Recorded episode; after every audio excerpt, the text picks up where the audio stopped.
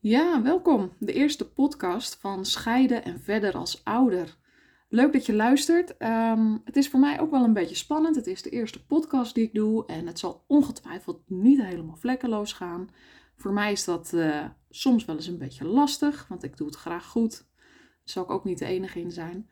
Maar uh, ik kan ook niet twaalf keer een uh, podcast overdoen en opnemen. Dus uh, mijn excuus als het soms misschien een beetje e en a is. Ehm, dat hoort ook een beetje bij mij. En ehm, ja, laten we in ieder geval beginnen met me voor te stellen. Ik ben Dorothee van Vilsteren en ik coach kinderen van gescheiden ouders. Ik help hun met name bij hun gevoelens en emoties, die allemaal vrijkomen tijdens een scheiding en alle veranderingen. Ehm, die ze nog wel eens als overweldigend kunnen ervaren. En ik vind het belangrijk dat vooral ouders daarin ook betrokken worden, zodat ze weten ehm, wat er uh, uiteindelijk dus ook bij hun kind speelt tijdens deze moeilijke periode.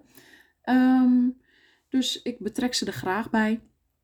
Ik ben ook uh, erkend coach voor de kinderen scheiden mee. Uh, daarin staat ook heel erg centraal het contact tussen ouder en kind. Eh, in deze lastige periode van scheiden. En ik ben stiefplancoach, waarin, ik, voornamelijk, waarin het voornamelijk gaat over um, het samengestelde gezin. Dus na de scheiding en dan komt wellicht weer een andere partner um, om de hoek kijken. Dat gaat ook niet altijd vanzelfsprekend. Nou, uh, wil je meer over mij weten? Kijk dan even op mijn website bucoaching.nl slash over mij liggend streepje uh, liggend streepje tussen over en mij. Um, en dan uh, kan je daar meer lezen over wat ik doe en ja, wie ik ben. Deze podcast die wil ik eigenlijk beginnen of starten. Die, heb ik, die wil ik gaan, gaan opnemen voor gescheiden ouders dus. En die graag willen weten hoe hun kind de scheiding ervaart. wat hun beleefwereld is. En wat ze zelf kunnen doen om hun kind tijdens deze moeilijke periode eigenlijk te kunnen ondersteunen. En het is dan ook mijn intentie om gescheiden ouders inzichten te geven hierin, beter begrip te krijgen en geïnspireerd te zijn over hoe ze hun oude-kindrelatie en de communicatie um, ja, op een goed niveau kunnen houden. Uh, ondanks alles wat er komt kijken bij de scheiding. En hoe ze hun kind dus uiteindelijk ook kunnen helpen. Dus welkom ook. Um, het onderwerp van de eerste podcast is een vrij algemeen onderwerp: scheiden en ouderschap. Wel iets waar iedereen uiteindelijk uh, heel erg uh, mee te maken krijgt. Um, want ja, je gaat scheiden en uiteindelijk uh, kom je dus um, ja, voor het vraagstuk te staan: hoe ga je de invulling geven aan het ouderschap na de scheiding? En uit de praktijk blijkt ook wel dat ouders dit eigenlijk wel heel erg lastig vinden uh, om hier een nieuwe vorm aan te geven. Je komt er uiteindelijk ook vaak alleen voor te staan.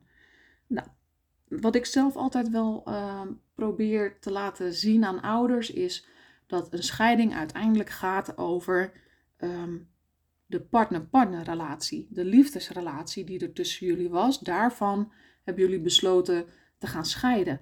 En Ehm, het ouderschap, dus uh, de oude-oude relatie die jullie hebben, die zal altijd blijven bestaan. Omdat jullie nou eenmaal, en ook heel fijn, een heel mooi kind op de wereld hebben gezet. Waar jullie alle twee heel erg van houden. Maar dit zijn wel twee verschillende rollen: een partnerrol en een ouderrol.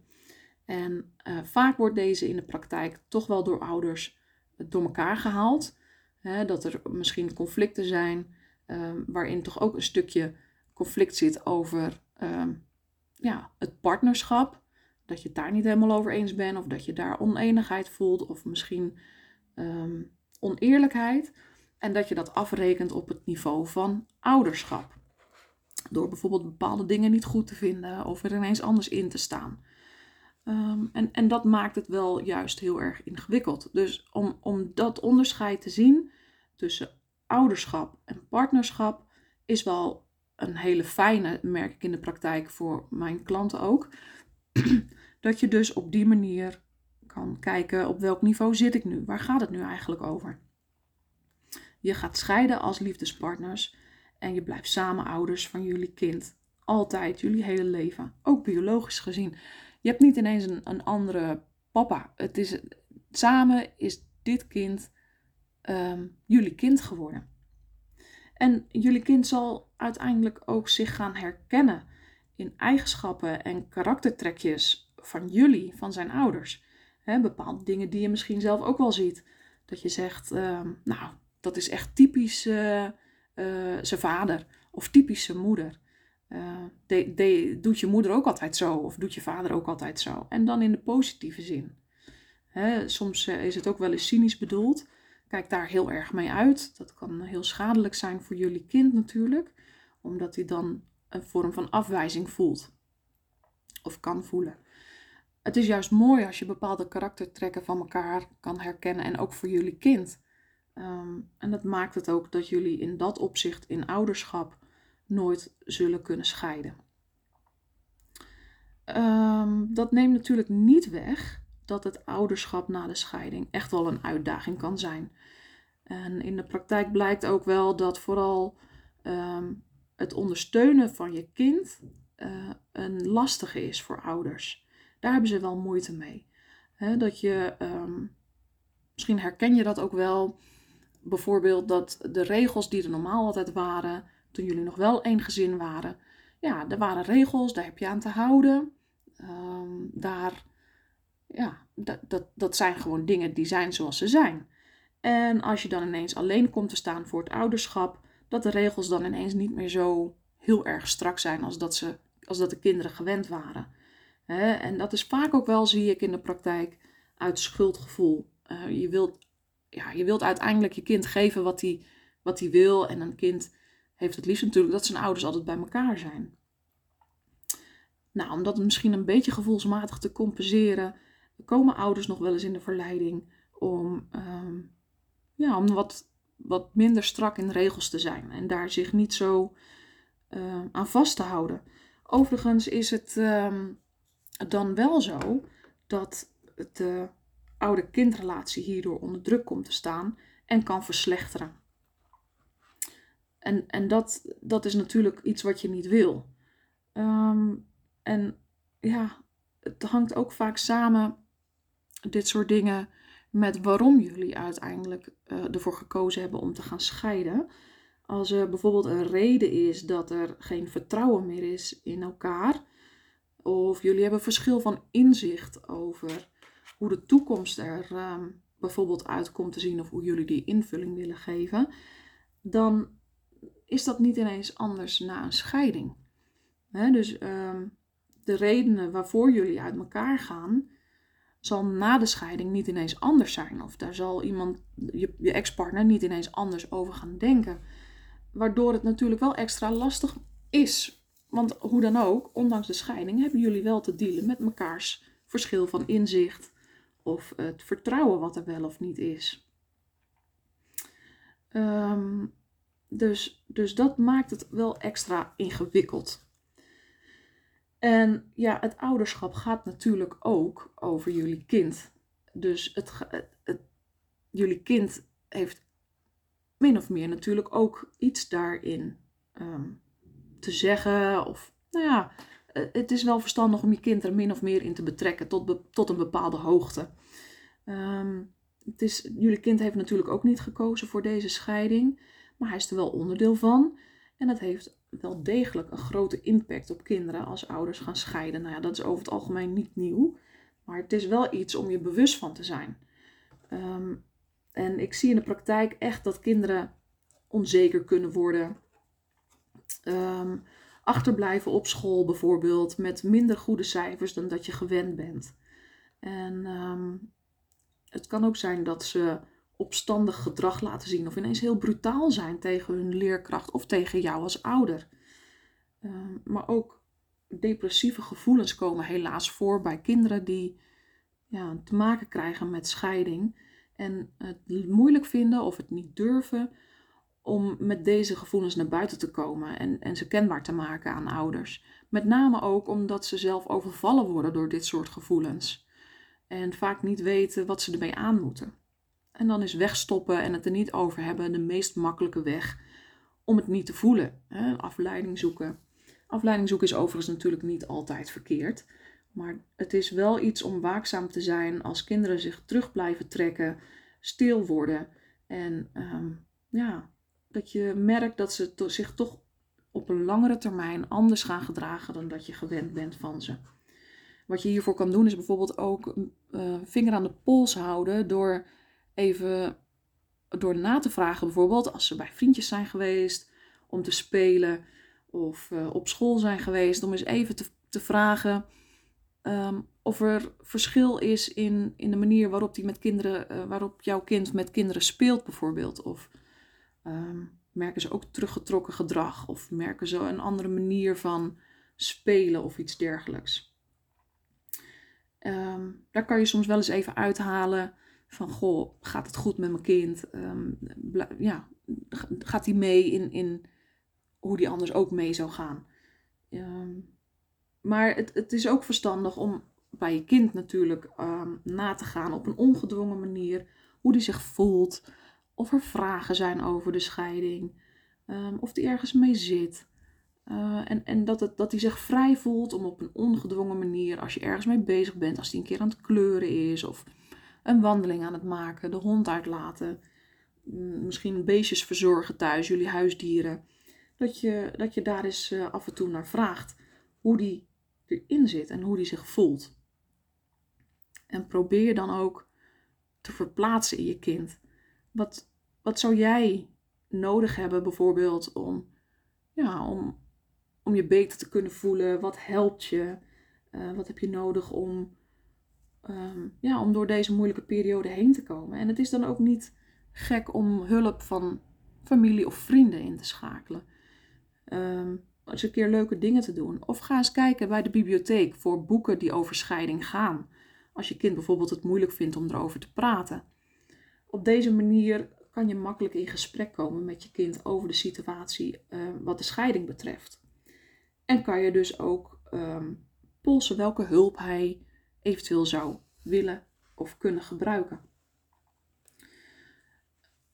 Aan de andere kant, het is gelukkig ook niet zo vanzelfsprekend, of niet altijd vanzelfsprekend, dat een scheiding uh, blijvende, en blijvende negatieve gevolgen heeft uh, voor je kind. Um, dat heeft ook te maken met de manier hoe jullie met het ouderschap uiteindelijk omgaan en hoe jullie de scheiding verder aanpakken en daarna verder gaan. Effectieve opvoeding na de scheiding bijvoorbeeld um, kan, kan echt zorg dragen voor een goede ouder-kindrelatie. En ook um, niet te vergeten, blijf in, ook in emotioneel opzicht heel goed voor jezelf zorgen.